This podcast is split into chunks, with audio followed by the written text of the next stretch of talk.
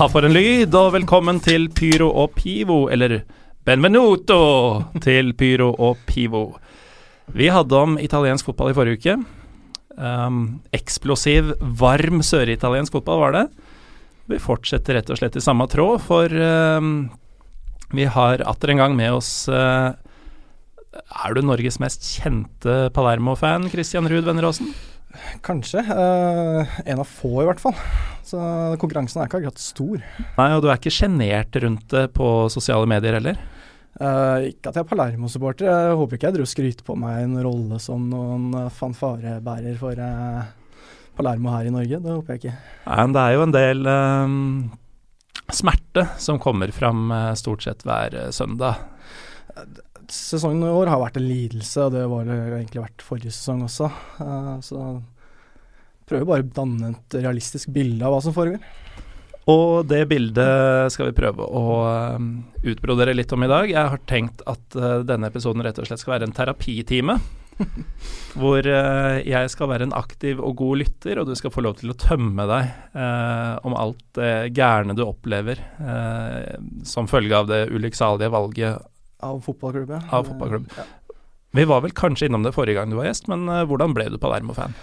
Uh, det er vel en god grunn, mye av samme grunn som jeg hater Palermo den dag i dag, hvis du kan si det. da. Uh, Samparini, som er klubbpresidenten, eller nå er jo tidligere klubbpresidenten, fortsatt eier. Er en person som førte med seg veldig mye galskap, som gjorde meg veldig nysgjerrig på klubben. og det en klubb som spilte underholdende fotball, veldig mye bra fotballspillere. Så det er en kombinasjon der sånn som ble et dårlig valg i seinere tid. Den gang da? Det er vel mm. ikke spesielt gode fotballspillere dere har uh, nå for tida? Det er en sammensatt gjeng av ganske middelmådige spillere sett opp mot den standarden man forventer av serieavspillere. Du tar uh, Fabio Grosso og Luca Toni over alle Sami og Nestorovskij, eller? Hver eneste dag. Men Maurizio Samparini er jo selvfølgelig et stikkord her. Um, nå er jo han borte, eller han er i hvert fall delvis borte og på vei helt ut. Han har uh, fratrådt stillingen som klubbpresident. Den er uh, overgitt til Paul Baccaini, uh, amerikaner som har kommet inn og ja, det var vel rundt ja, tiden jeg var her sist, så plutselig dukka han opp som ny klubbpresident. Han hørtes ikke helt amerikansk ut? Han har italienske aner. Det var litt det man håpa på at man skulle finne òg, at det kom inn amerikanere kan jo det med sportsklubber. At det skulle komme inn en amerikaner med italienske aner som da har litt peiling på fotball. Uh, man fikk ikke siste biten med Paul Baccarini. Uh, det kom inn en mann med bakgrunn som profesjonell basketballspiller, faktisk. Ja vel. Uh, det er litt av grunnen til at han flytta til Italia en gang i tida, for å studere italiensk og for å spille basket. Han har spilt for Padova i basketens serie B. Var det ikke Padova som hadde Alexi Lalas på 90-tallet? Jo, det stemmer. Ja, så er uh, amerikansk idrettsby ja. i Italia? Uh, og han har da siden jobba innenfor radio og TV, bl.a. for Mediaset og italiensk MTV. Italiensk MTV, ja. ja. Uh, anbefaler alle egentlig bare å google navnet hans, Paul Baccaini. Det, han er litt type? Det er en uh, ung mann, han er i midten av 30-årene, uh, med en kropp proppa med tatoveringer. uh, ja, for det er litt sånn uh, For uh, oss som ikke har vært der, så er jo Palermo og hele der Samparini-veldet, det, det, lukter jo veldig sånn klisjé Sicilia, litt sånn tvilsomme forretningsmenn inn i bildet og sånt ja. og så kommer da en italiensk-amerikansk forretningsmann, uh, som man jo kjenner fra serier som Sopranos. Ja, det kommer inn en ung herremann full av tatoveringer som visstnok skal ha gjort seg styrtrik på aksjemarkedet, uh, uten at det finnes noen registrerte firmaer på han som tilsier at han har den rikdommen som skal til for å kjøpe en profesjonell fotballklubb i Italia. Så han har ikke firmaene til det, men han har jo betalt, eller? Uh, han, det er litt sånn usikkerhet, fordi man har vært veldig tilbakeholden på informasjon på hvem de nye eierne er. Uh, så man veit jo ikke hvor stor del han er av den nye eiergruppa, om han bare er en innleid klovn som skal være et ansikt utad, mens det er noen andre som styrer. Litt som man mistenker at det er det som foregår i Saptoria med Massimo Ferrero. At det er rett og slett bare er en person der for å lage litt ablegøyer og for å få litt PR rundt klubben, og så sitter det da en gruppe bak der igjen som egentlig styrer hele sjappa. Litt mer lyssky uh, typer? Ja, så det er det man tror uh, er tilfellet med Pål Bakaini. Det skal sies at han har gitt et veldig godt inntrykk siden han kom til klubben. som da tydeligvis er jobben hans, da? Ja, han, uh, han har sagt alt riktig så langt, og vist seg å være en veldig fornuftig sånn ut, ut fra uttalelsen. At han, ser, han er mer fornuftig enn han ser ut til å være.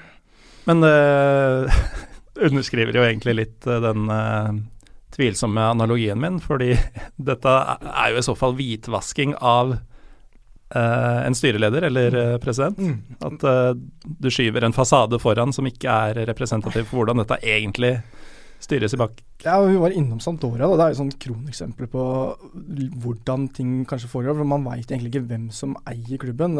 Massimo Ferrero, som jeg nevnte, er jo klubbeier og president på papiret. Nå er han ikke president, han får ikke lov til å være klubbpresident. Av, av det italienske fotballforbundet. Oh, ja. For han har vært involvert i noen konkursbo tidligere som ikke var helt uh, etter loven. Så det er ikke disputt med klubbeieren? Nei, så der er det rett og slett at han får ikke lov til å representere klubben på samlinger i regi av Fotballforbundet. Så det man har løst, er at det er sønnen hans som representerer klubben og er nå fungerende klubbpresident, mens Massimo Ferrero da sitter som president i klubben, eller som eier av klubben. Det er ikke sikkert det er uh, den ryddigste Nei, varianten, da. Men nå skal det sies at uh, når det oppkjøpet her går igjennom, at uh, man har blitt enig om alle penger er overført, så er det nye regler som gjør at Det italienske fotballforbundet skal gjennomgå dette, er fordi man skal unngå uheldige situasjoner som man hadde med Parma for noen år siden, hvor man i løpet av én måned hadde tre forskjellige klubbpresidenter, og alle løft, lovte gull og grønne skoger, men ingen gjorde noe som helst. Men uh, tilbake til Samparini. Mm. Så du sa jo at han uh, i begynnelsen var uh, en utslagsgivende årsak til at du fatta interesse mm. for klubben. Og han har jo tross alt vært med under både gode og dårlige år. Klubben hadde ikke vært der man har vært uten Samparini. Han tok jo over klubben i 2002. Uh, kjøpte av daværende Roma-eier Franco Sensi. Uh, så Sensi eide begge to? Ja. Uh, der er jo også den linken som er mellom Roma og Palermo som en vennskapsklubb. Mm. Uh, for Italia så kan man eie to klubber, så lenge det ikke er samme divisjon. For det var greia med Palermo, de hadde vært utafor Serie A i 35 år når man gikk opp i 2004-2005. Og da gjorde de jo noen braksesonger eh, like etterpå? Man var en seriøs utfordrer til iallfall Champions League. Da. Man hadde vel tre femteplasser i løpet av perioden. Den italienske VM-troppen i 2006 inneholdt fire Palermo-spillere. Ikke sant. Og jeg husker jo Grosso hadde jeg ikke hørt om. Det var en periode hvor jeg ikke fulgte italiensk fotball i det hele tatt. Ordentlig late bloomer. Men, eh, på den tida så var Palermo veldig gode. Man plukka opp uh, ganske ukjente spillere, gjorde det um, veldig bra. Og ja, spesielt unge spillere som har solgt dyr for store penger. Pastore? Ja, ikke minst Pastore. Dybala er jo kanskje det siste eksempelet.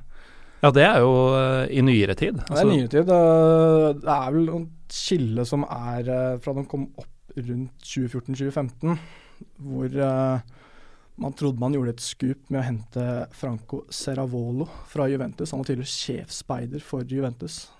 Mm. Han ble henta inn som uh, ny sportsdirektør. Og I Italia så er det vanlig at disse sportssjefene får et budsjett å forholde seg til, og så er det frie tøyler rundt det. Men i Palermo så er det I Palermo så var jo også det tilfellet, helt til uh, denne Seravolo henta spesifikt to spillere, Sol Bamba og Simon Makienok. Uh, de var så dårlige, og med all rett at uh, han måtte gå. Eh, men siden da så har Samparini hatt siste ordet på samtlige spillere inn i klubben. Og det er vel ingen av sportssjefene som har vært der i ettertid som har hatt noe som helst makt. Og det er tilfeldigvis den tida det har gått ordentlig gærent? Det er uh, begynnelsen på nedturen. Så man nå er, ja, nå er man jo i serie B. Ja, man er jo det. Vi skal litt tilbake til fremtiden senere, men uh, det virker jo faktisk å ha vært en tid hvor Samparini virka som en lovende, et friskt pust som skulle skape noe? Ja, altså, han har jo vært involvert i fotballen i veldig lang tid. Han kom vel inn i 1987. Og hadde, eide Venezia før det og gjort samme greiene der. Bygde opp et uh, ganske bra lag. Ja, De hadde ganske fett lag en periode, altså. Ja, det med Rekoba, Rekoba spesielt var jo da den store stjerna. Det, litt samme måten det har gått i Venezia og Palermo. At uh, det er en stor drøm om å bygge en ny stadion som aldri har kunnet blitt en realitet. Da har man forlatt skuta mens den er på kraftig vei nedover. Men hva er det som har skjedd uh, Altså, dette er til og med fra før Samparini, da. Men uh, siden årtusenskiftet Vi er i 2017, det har gått 17 år. 44 trenere. Uh, det er ganske drøye tall. og så er det jo Det er tre i året, pluss minus. Ja, tallene ljuger litt sånn Særlig når man leser en, når det kommer et nytt trenerbytte, så blir det ofte blåst veldig opp hvor mange trenere har hatt. Så de tallene er litt overdrevne, for det er litt sånn mange som har sagt opp selv. Det er mange som har hatt andre stillinger som har vært midlertidig ansatt, men Jo, men altså selv om de sier opp selv, så virker det som det er et uh, uholdbart sted å jobbe, da. Det er bare tidsspørsmål de fleste gangene. Før, men jeg skal si at det er svært få trenere som har hatt noe vondt ord å si om Samparini i ettertid. Uh, er det sant? Det kan være at de ikke vil brenne alle mulige dører for å jobbe i Palermo senere. ja, men det er ikke sikkert at det bare er det, for flere av dem har jo kommet tilbake like etterpå. Det er flere av dem som kommer tilbake, Altså, Selv etter å ha blitt sparka, vel? Ja. Så jeg satte ned en liste. Det er fra begynnelsen av forrige sesong. Så hvis vi kan gå gjennom samtlige trenere som har vært Altså 15-16? Fra 15-16 og 16-17-sesongen. Kan vi ta alle trenere som har vært i klubben. La oss det. Kan jeg ta en forklaring på hva som har skjedd med dem også? Gjør det. Uh, man starta med Giuseppe Iacchini. Det er mannen som tok over når han var i Serie B sist. Han tok over til Gattusso, som kun fikk en håndfull kamper før han fikk sparken. Uh, han tok da klubben opp fra Serie B med et rekordstort antall poeng. Det er aldri noen som har tatt flere poeng i Serie B. Og han klarte mesterstykket å faktisk beholde jobben en hel sesong. Gattuso? Nei, Nei Yakini. Mm. Det er kun den eneste gangen i Serie A at man har hatt en trener en hel sesong. Man har hatt det ett tilfelle i Serie B tidligere, men aldri i Serie A. Før Yakini da Altså, snakker vi nå om Samparini-perioden? Ja. Én som har sittet en hel sesong i Serie A? Ja. Det er så deilig. Du skjønner jo at denne klubben skal ned. Det er det, alle mulige slags oppskrifter på hvordan ikke styre en fotballklubb, er snekra sammen i Palermo. Det var jo tittelen på forrige episode vi hadde om kaosklubber, ja. eh, Valencia. Det, det vepsebolet som var eh, der sånn det, Her er det ikke så mange teorier på hvordan ting har gått uh, som det har gjort. Det, her er uh, Det er én? det er stort sett én person som er skyld i det meste her, ja. Uh, jo, men Iakini, som da klarte å holde jobben ganske lenge. Men han starta da forrige sesongen med å ja, bruke hele preseason på å grine og klage over hvor dårlig troppen var satt sammen, og hvor håpløse arbeidsforhold han hadde. Han venta bare på at sparken skulle komme. Men han hadde da sittet en stund, hadde han ikke det? Da hadde han sittet ja, nesten to sesonger. Så han hadde jo satt sammen troppen så dårlig? Uh, Italia så er det ingen trenere som har noe å si når det kommer til eh, hvordan en stall skal se ut. Det, det er sportssjefene som vanligvis tar seg. I Palermo så er det da Samparini og rådgiverne hans. Men det må jo være noen klubber som eh, hvor det er tettere samspill. Altså Jeg kan ikke se for meg at Allegri f.eks. har null å si på spillelogistikken i Juventus. Han har kanskje et lite ord med i laget, men til syvende og sist så har vel han null makt når det kommer til det. Det vanlige prosedyret er jo at de henter en ny trener så gir man dem kanskje én eller to spillere som de selv får lov til å anbefale. Uh, Rudi Garcia i Roma var jo Starten på nedturen der var jo når han klarte å krangle seg til en avgjørende stemme når det kom til spillerkjøp. Og da gikk all in for Dumbia. Ja, det var kanskje ikke det klokeste, men uh, altså prinsipielt så kan man vel ikke si at det at treneren skal ha påvirkning på hvilke spillere som kommer og går, skal være negativt. Jeg egentlig syns den italienske måten å gjøre det med sportssjef er eh, Det er en mer langsiktig og fornuftig løsning. Eh, hvis du slipper en sånn Paolo Di Canio-episode i Sunderland hvor han henta 14 spillere i løpet av ett overgangsvindu, og 11 av dem var ute av klubben det neste. Det er en ganske grei extreme andre enden. Så det er like så Det som er ille, er når det sitter en klubbpresident som egentlig ikke har særlig peiling på fotball, og som da har det er én rådgiver spesielt da, som uh, går igjen, av Davor Kurkovic, som er liksom hans uh, nærmeste rådgiver når det kommer til spillekjøp. Mm. Han er da altså agent for nesten hele troppen til Palermo nå. Å, det er så herlig italiensk. Og det er jo- Jeg må jo selvfølgelig Jeg kommer til å le, Det, og jeg kommer til å sette pris på ting som du syns er helt forferdelige. Det er bare å Det må- kjøre på. Det, det er litt sånn fint med Pål. Et av de få tingene han har gjort etter at han kom til klubben, er jo kutte ut den derre Balkan-linken som har vært mellom Zamparini og disse rådgiverne. Balkan er deilig, og det passer veldig godt, føler jeg, til det kaoset som er i Sør-Italia. Det er mye fint med Balkan. Jeg, har ikke en stor tiltro til balkanske fotballagenter som eh, har diverse lyse eh, forretninger rundt omkring eh, Jeg vil si hele Europa. Det, balkanske fotballagenter som ikke har lyssky-forretninger rundt i Europa, er også noe å se opp for. Altså, nå har han kutta ut den der eh, linken der, og det er jo ikke da overraskende hvilke navn som blir slått opp i lokalpressen på hvem er de første som vil forsvinne fra klubben. Det er jo da samtlige av de gutta som, med unntak av Nestorovskij, da. Ja, jeg trakk jo fram han i stad, men han er jo ganske ok. Ja, brukbar. Det skal ha ti mål denne sesongen her. Mm. Eh, han har vel kanskje fått blitt servert eh, ti sjanser òg. Det, det er ikke en mann som skaper noe på egen hånd. Det er en ganske begrensa fotballspiller sånn sett, Man har er en utrolig god avslutter. Ja. Men uh, resten av gjengen er jo ikke gode nok til å sette den opp. Litt sånn First Price uh, Gabbiadini, kanskje. Ja, er litt Dårligste eh, bevegelsene i boks jeg har sett, men uh, får du først muligheten, så sitter han. Det verste er å se Nestorovskij i det oppspillende bygget. Det spillet, det Der snakker vi konsekvent slå på første bevegelse.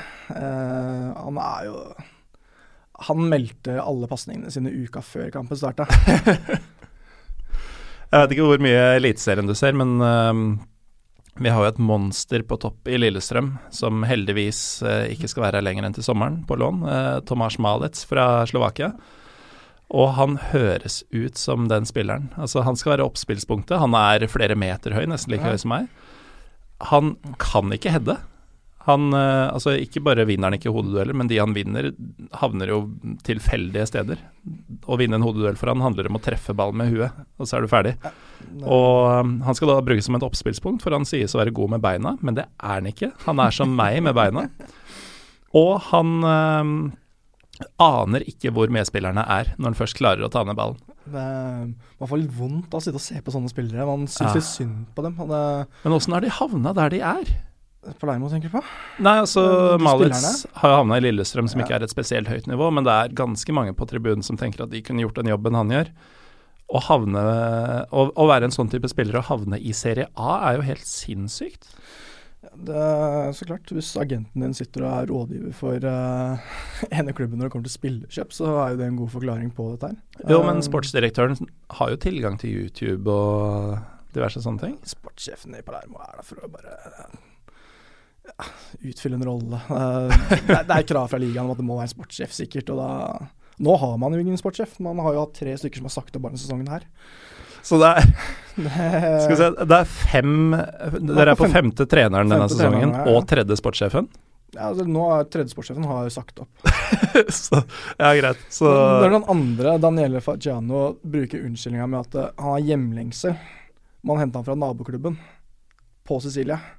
Ja. Så skjønner du at det er noe annet bak dette her. Og det, det er jo det samme greia hver gang. Det er ingen som får Fagiano fikk jo faktisk hente inn en spiller. Han henta jo Alessandro Gassi, en midtbanespilleren. Men uh, Rino Foschi, som var der før, ble jo rett og slett sjukmeldt og sa opp jobben. Men disse folka virker jo som de har lyst til å gjøre den jobben som tittelen tilsier, da. Ikke bare heve en lønn. Dem, eh, det er jo arbeidsnarkomane folk vi snakker om her. Det samme gjelder jo fotballtreneren òg. Ja, og jeg tenker at ryktet må jo gå. Altså hvis uh, Disse folka må jo snakke sammen. Det er jo ikke et så stort miljø av potensielle Mm. sportsdirektører, vil jeg tro. I hvert fall ikke i Sør-Italia. Og det er jo ikke en hemmelighet da at uh, blir du ansatt som sportsdirektør av Samparini, så får du ikke gjøre jobben som du skal gjøre. Men likevel så tar de jobbene. da. Det er, jo- godt betalt, og man har jo håp om at en dag så snur det. Ja. En dag skal jeg få lov til å bestemme Det er litt som å være hun litt blåøyde dama som skal endre han playeren som alltid bruker og kaster. ja. Det, det er litt sånn, altså, Hans siste sportssjef, Nicola Salerno Vi snakker jo om en mann som har jobba i Cagliari for uh, Massimo Celino. For de som ikke veit hvem Celino er, så er jo det Samparini er ekstrem. Uh, Celino er spikspenna gæren. Her snakker vi om en mann som nekter å ha sete nummer 17 på stadionene sine. Fordi det er jo et ulykkestall. Paddy Kenny, Leeds-keeperen, fikk jo sparket da han hadde bursdag på den 17. uh, det er jo, der er jo rett og slett galskap. Og han sa jo det Salerno når han ble ansatt, at hvordan blir det å jobbe med Samparini? Han, Må være en drøm i forhold. Ja, jeg har vært borti verre. Hva var det han het, han eh, Perugia-fyren som uh, sparka An Jung Van bl.a. for å score mot Italia? Luciano Gavci. Der Ja. er det også den uh, spikspenna gæren-tittelen. Uh, si mange av disse presidentene det, de oppfører seg som tvillinger, men man får inntrykk av at det er en rolle man spiller. Fordi sånn som Samparini, så er det med unntak av de største klubbene, så får man svært lite mediedekning, særlig av de store mediene i Italia. Sånn Juventus, Roma, Inter og Milan, de får gratis publisitet. Mm. Mens resten av dem må skape publisiteten selv. Og da er det den der machokulturen. Desto mer du synes, desto mer framgangsrik er du. Ja, jo uh, mer delt sakene dine blir i Så da har du Samparini som sitter og sparker trenere i hytte og gevær, og som ukentlig er med på Radio Kiss Kiss og gir dybdeintervju der, og bruker resten av uka på å fortelle hvor feilsitert han er. Men dette indikerer jo at det ikke bare er galskap, men en slags strategi. Ja, altså Det er en tanke bak uh, veldig mye av dette her. Det, all PR er god PR, er jo eh, tydeligvis motto til de gutta her. Uh, men du har noen av dem. Gauci annet var spiksprenna gæren. Ja, han var det. Han, eh, han signerte sønnen til Gaddafi. Han, eh, det sier sitt. Og han var ikke aleine om det. Han, eh, Gaddafi junior var jo i Sampdoria også. Ja, han fikk noen klubber, han. Han satt jo som hovedsponsor i Juventus òg, så det var jo det var flere klubber som har sine skjeletter i skapet der, tror jeg. Ja, og Juventus og disse norditalienske klubbene får jo um, et mer eller mindre I Juventus akkurat nå så er det vel ganske fortjent, men um, mer eller mindre fortjent uh, stempel som litt mer sånn level-headed Mm.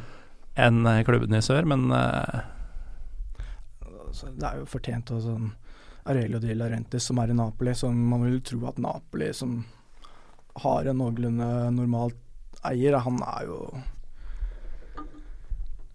Han er på Samparini-nivå litt sånn med uttalelsene sine. Det er bare at han har ikke hatt den muligheten til å sparke trenere i samme grad, tror jeg.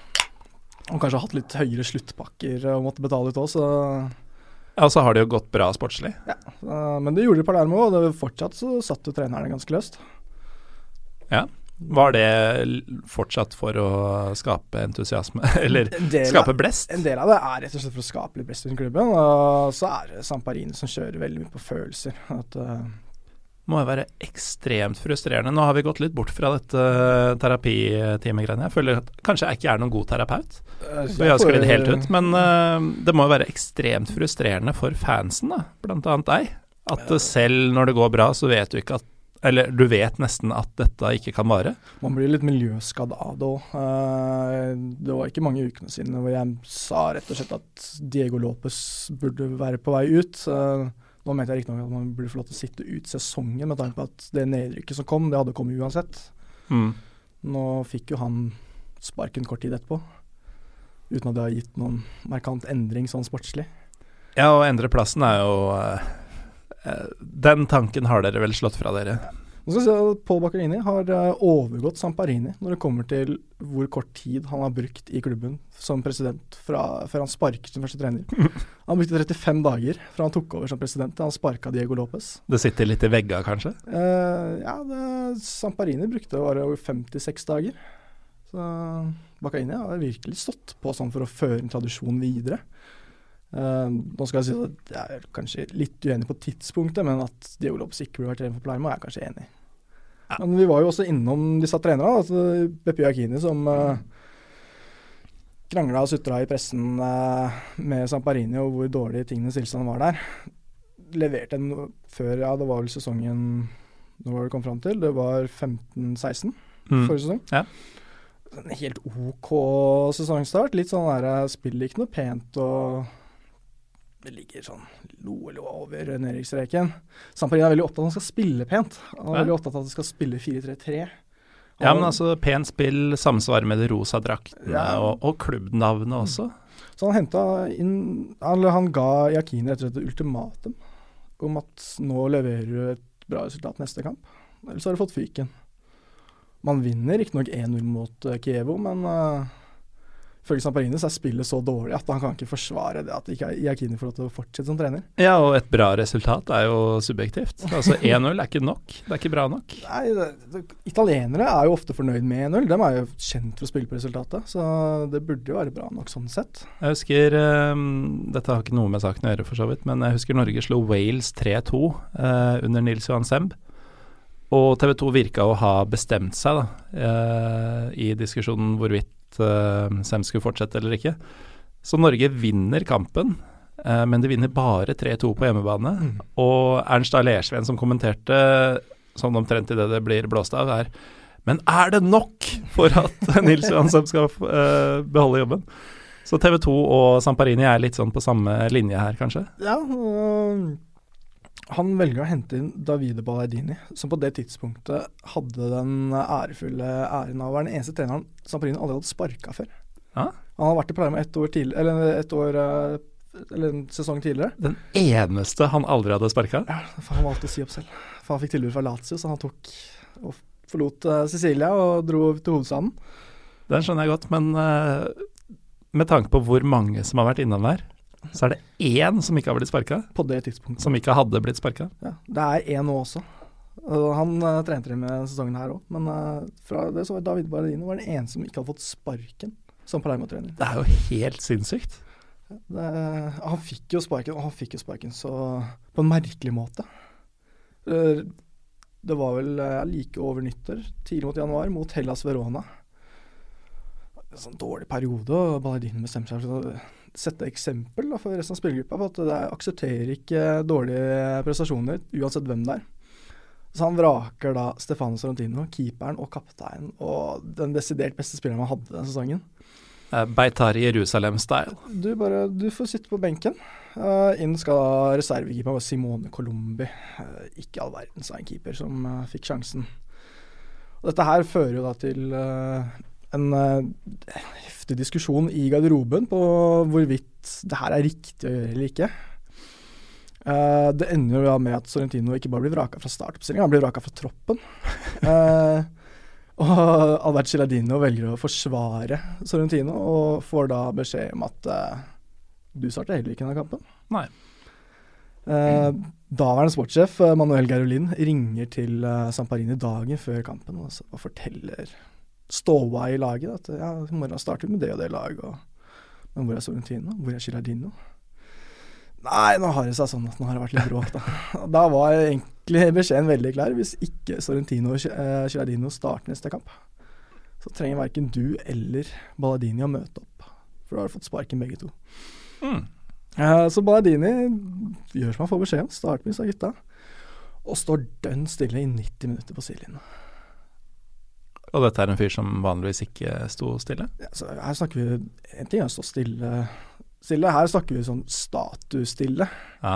Og stirre rett ned i bakken. Han så ikke på kampen i det hele tatt. Uh, Ingen bytter heller, antar jeg? Det ble noen bytter, men det tror jeg ble utført av assistenttrenerne. Ja. Uh, pleier med å vinne jo Det er noen herlige bilder, noen jubelscener, og hele troppen står i en sånn klynge tre meter unna Badinen, som ser tomt ned i bakken. Uh, men det her var jo bare begynnelsen på galskapen. Fordi Stefano Sorrentino blir intervjua av Rai på indre bane der. Og langer ut om hva som har skjedd. At er, treneren kommer ikke inn i garderoben, vi har gjort alt dette selv. Og mer eller mindre gir Ballardini sparken på direkten. Noe som er spesielt med tanke på at han er bare en spiller i klubben. Ja. Men klubben velger da å holde helt tyst, med unntak av at hun publiserer dette intervjuet på klubbens hjemmeside. Ah, okay.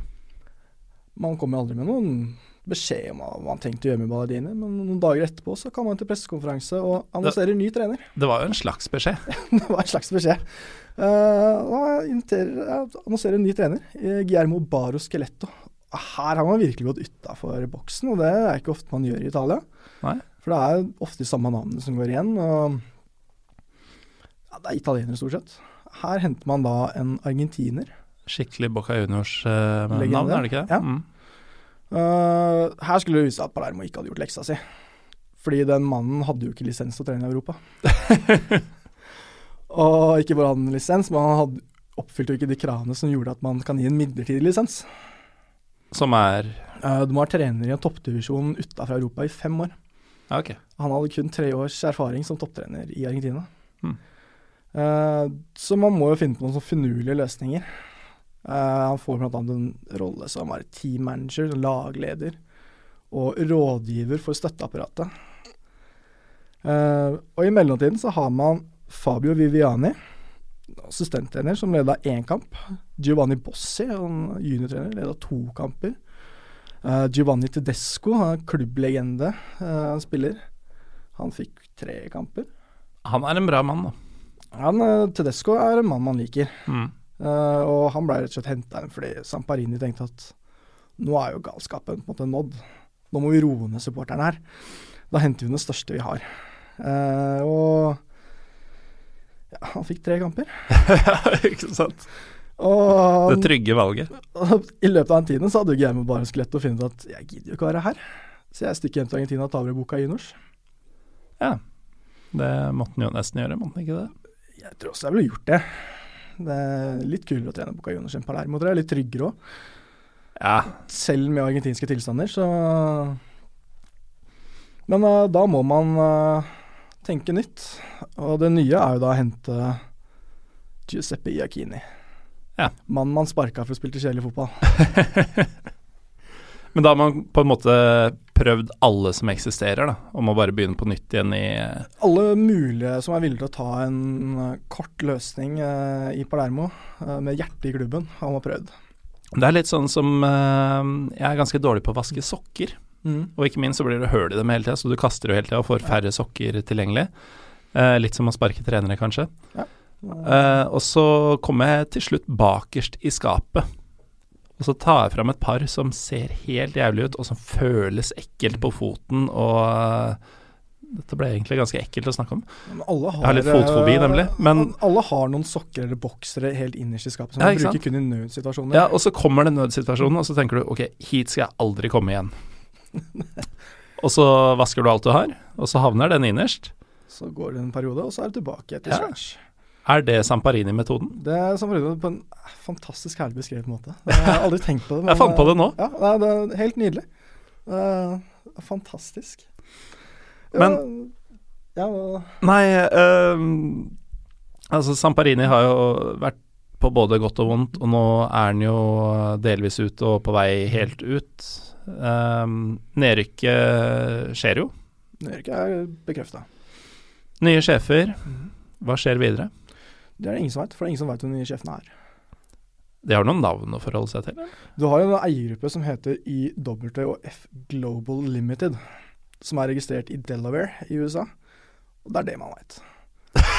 Man veit at Paul Bakarini er ansatt som en ny klubbpresident. Han er registrert med ett firma i London. Uh, hva var det snakk om? da? 1000 euro som var eh, registrert på dette firmaet. Det er greit, det. da. Får en flybillett uh, fra USA til Sør-Europa da, hvis du Passer litt på. Ja, det gjør vel det. Uh, kanskje ikke tur-retur. Jo, spørs litt om du bestiller dagen før eller et par måneder i Ja, forveien. man får en restplass eller ja. Mm. Uh, så man veit jo rett og slett ikke hva man får neste sesong. Man aner jo ikke hvem som blir nye sportssjefen, hvor mye får den sportssjefen å si, hvem som blir trener. Fordi daværende, nåværende trener, Diego Bortoluzzi, er jo bare på kontrakt ut sesongen. Mm. Og Som så mange andre. som mange andre, man har hatt sesongen hatt tre, nei fire trenere faktisk, som har hatt kontrakt ut denne sesongen her. Så det har rett og slett blitt ansatt ekstremt midlertidig, og likevel ikke fullført kontrakten. Mm. Mm. Det, det var jo også forrige sesong. Iakini, når han tok over, han holdt jo tre kamper, og så ja, ny krangel med Samparini, og så sa han opp selv. Fordelen er at da sier han jo fra seg all lønn. For reglene i Italia er jo, som du ofte legger merke til trenere som kommer tilbake igjen, er jo at de, de er jo fortsatt under kontrakt med klubben selv når de får sparken. Mm. Uh, så hvis du hadde vært uh, trener for klubben min og hatt kontrakt ut neste sesong, så hadde jeg vært forplikta til å betale den lønna ut neste sesong. Og når da min erstatter får sparken eller sier opp, så Og jeg kaller deg tilbake, så er egentlig du forplikta til å komme tilbake. Hvis du da velger å si nei, så frasier du deg den lønna som du har krav på. mm. Derfor ofte ser trenere kommer tilbake etter veldig kort tid. Det er jo ganske ynkelig, da. Altså, Penger er viktig, det er greit, det, men, Men det er eh, også en regel i Italia at en trener har kun å trene én klubb per sesong. Så du er nesten låst den ene sesongen til den ene klubben. Og det er jo David Ballardini som starta sesongen. men er, Han eh, sa jo opp etter to kamper. er Samparini klar over den regelen? Han utnytter seg og smutter med å kalle dem tilbake hele tida. Han er veldig dårlig på det Når trener selv velger å si opp, så har han på en måte ikke krav på lønn videre. Han går som oftest mer på en kompensasjon at ja, men vi betaler deg likevel. Uh, så avslutt den kontrakten du får lønn her i. Og så angrer han seg, så vil han ha den tilbake, og så må du forhandle en ny kontrakt med dem. Da, da tar de gjerne et år til, og en lønnsforhøyelse. Mm. Det er dårlig butikk uh, av en mann som er veldig opptatt av penger. Det er jo dårlig butikk, og så er det jo eh, Jeg vil jo tro at uh, Samparini og hvem som nå skulle lede det framover, egentlig har en uh, fotballklubb fordi de ønsker sportslig suksess. Jeg går ut fra det er sportslig suksess, men det er jo penger òg, da. Til, sånn Samparini Ja, men suksess i det hele tatt, da. Ja, det er jo ja, det er jo en stormannsgalskap. da, sånn Man vil jo synes. Det er det man, det er machokultur, dette her. Mm. Men eh, sånn systematisk vanskjøtting er jo ikke veien til verken økonomisk eller sportslig suksess. Eh, du burde prøve å forklare det til Samparini. Jeg vet ikke om han hører på deg, men uh, Meg vil den høre på. han har gjort det. Jeg er den uh, blåøyde jenta som skal eh, konvertere playeren. det er det, ja. Du, du er han treneren som tror du skal få kikk på Balotelli. Ja. Så han bare kommer under mine vinger, Mhm. så skal han blomstre, vet du. Lucien Favre har ikke vært så langt unna å få det til, faktisk. Nei, bare gi litt tid. Så. Eller jeg vet ikke, jeg, jeg tror eh, Favre har sett mye andre veien, Ja. og at det er det som skal til i Balotellis tilfelle. Ja. Eh, vi må nesten runde av, vi. Jeg tror vi kunne prate om uh, Palermo og disse tusen Ja, vi kommer kanskje og- halvveis på den lista over uh, vi er, du, Vi har faktisk litt studiotid igjen, så vi skal, jeg, skal jeg bare ta navnet på dem? Etter ta navnene, og så kan du trekke fram din favoritthistorie rundt de som er igjen. Eh, Vi kan ta navnet. Etter Aigini trakk seg, så er det Walter Novellino. Fikk sparken etter tre kamper. Davide Ballardini kom da tilbake på slutten av forrige sesong, med kanskje fire kamper igjen. For han fikk fortsatt betalt. Redda plassen. Ja. Og sa opp to kamper ut denne sesongen her. Roberto Di Serbi, som var det unge, lovende trenertalentet som satte klubbrekord i antall tap på rad. Uh, fikk sparken. Eugenio Corini, klubblegenden, sa opp selv. Diego Lopez, sparken. Og nå er man på Diego Bortoluzzi. Uh, min favoritthistorie av de som gjenstod, var David Bardini. Nå har man kommet tilbake igjen. For han hadde trua Stefano Sorrentino med et søksmål pga. ærekrenkelser. Ja. Så da måtte faktisk uh, Samparini bruke en av rådgiverne sine, Gianni Di Marzio, Som megler, eller? som megler for å få Bardini til å ta jobben. For å trekke søksmålet mot klubbens kaptein. og kapteinen spilte mye da han kom tilbake. Ja, det er klubbens viktigste spiller. Det uten han så hadde han rykka ned forrige sesong. Sikkert god stemning. Veldig god stemning. Det, han har ikke uttalt seg så mye om hverandre etter den tid. Nei. Er kanskje for å unngå ærekrenkelse Tror det er eh, litt det å gå på. Takk Kristian Christian Ruud Venneråsen for at du kom tilbake til oss. Takk for at du inviterer meg på øl og Palermo-prat. Det er jo det er Du var ikke vond å be. da. Nei. Var det ikke fryktelig godt med øl i dag, forresten? Det var det. Ja. Selv i det. snøværet. Til dere lyttere som uh, liker uh, italiensk fotball og av en eller annen grunn ikke følger Christians eh, ekstra Twitter-konto at italienskball, så skjønner jeg ikke helt hvor dere har vært, men eh, gi, gi den kontoen en follow. Gjerne følge min egen uh, private konto. Ja, hva er atten din der? At Chris Vennerås 1. Ja, Jeg vet uh, din kollega Jim Fosheim har ofte vært på deg på den derre ett-tallet på Galdåsen. Galdås 1. Ja. Ja, Uh, jeg har den på min. Ja. Men du vet at du er jo romeriking selv om du ikke er Lillestrøm-fan. Lillestrøm hadde jo en venstreback i sin tid som het Torjus, ikke Hansen, men Hansen, med uh, apostrof over én. Fra Armina Bielefeld de henta han, var det ikke det? Eh, nei, de henta han fra Odd, men han dro vel videre til Bielefeld. Ja, han var innom meg, husker jeg. Mm. Men uh, med det tallet så føler jeg at du rett og slett uh, endrer navn til uh, Vennerås 1. ja, det får litt sånn internasjonalt preg på det. Ja. Uansett, kjempehyggelig å ha deg tilbake, og vi må jo bare si lykke til videre med denne dømte uh, klubben din? Vi får ta en uh, recap etter sommeren, så vi se hvordan ståa er da. Jo, men det vil jo ikke være rele relevant i august hvordan ståa er uh, når vi kommer til oktober f.eks., for, eksempel, for det er en ny stå. Altså, vi tar gjerne en månedlig update hvis, Kanskje jeg skulle gjort det. hvis du inviterer. Det kan godt hende jeg gjør.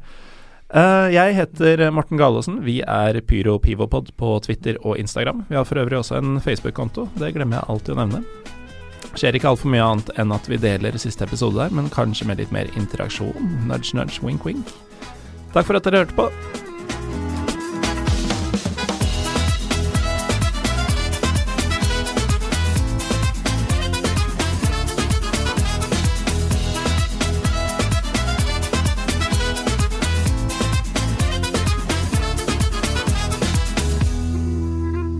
forresten, det glemte jeg å ta med deg med Paul Baccaini. Så har uh, Er det mer?